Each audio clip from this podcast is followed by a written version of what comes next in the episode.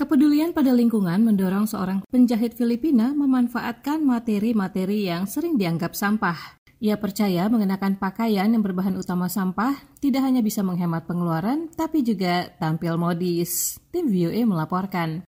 Bagi Lenora Buenviahe, koran, majalah, bungkus plastik, dan karung beras adalah sumber utama kreasinya di dunia mode selama tujuh tahun terakhir. Dengan menggunakan mesin jahit konvensional yang dioperasikan dengan kaki, penjahit sekaligus perancang busana berusia 51 tahun ini mampu mengubah materi-materi yang sering diabaikan itu menjadi rok, atasan, dan gaun yang inovatif sekaligus menarik untuk dikenakan. Ang ganda kaya ng bubble wrap kasi para na siyang ano design, para siyang design lalo na yung 'di ba black and white. Ini adalah bubble wrap Gusto bekas kemasan. Saya bisa manfaatkan ini untuk membuat gaun.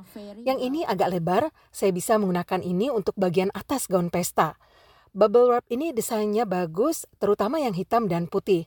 Saya suka yang putih karena bisa digunakan untuk membuat gaun yang cantik atau gaun pengantin. Buen Viahe mengatakan karya-karyanya ini semata bukan untuk kepentingannya berkreasi, tapi lebih karena kepeduliannya pada lingkungan.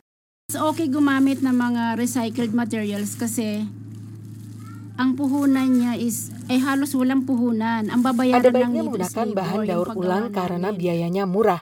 Yang sebenarnya Anda keluarkan hanyalah ongkos tenaga kerja. Ini tahan lama, penuh warna, dan menyelamatkan lingkungan pada saat yang sama. Lelaine Alcade, seorang pelanggan Buen Viaje, menyukai pandangan perancang busana itu. Halagang gumamit ng used materials or mag-recycle. Penting bagi kita untuk mendaur ulang atau memanfaatkan bahan-bahan bekas agar kita dapat membantu bumi kita. Kita bisa mengurangi sampah yang kita buang dan juga berkreasi. Bahan daur ulang yang digunakan untuk setiap gaun akan tergantung pada permintaan kliennya, kata Buen Viaje. Karyanya dijual sekitar 30 dolar hingga 50 dolar per potong dan digunakan untuk pameran, pernikahan, dan bahkan kompetisi. Buen Viaje mengatakan hasil karyanya yang memanfaatkan bahan daur ulang sangat menarik perhatian, terutama di acara-acara fashion setempat. Yung mga recycled dress na ginagawa namin, recycled costume, recycled gown.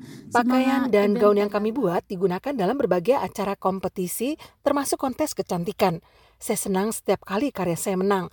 Desainnya sederhana, tetapi berhasil menang.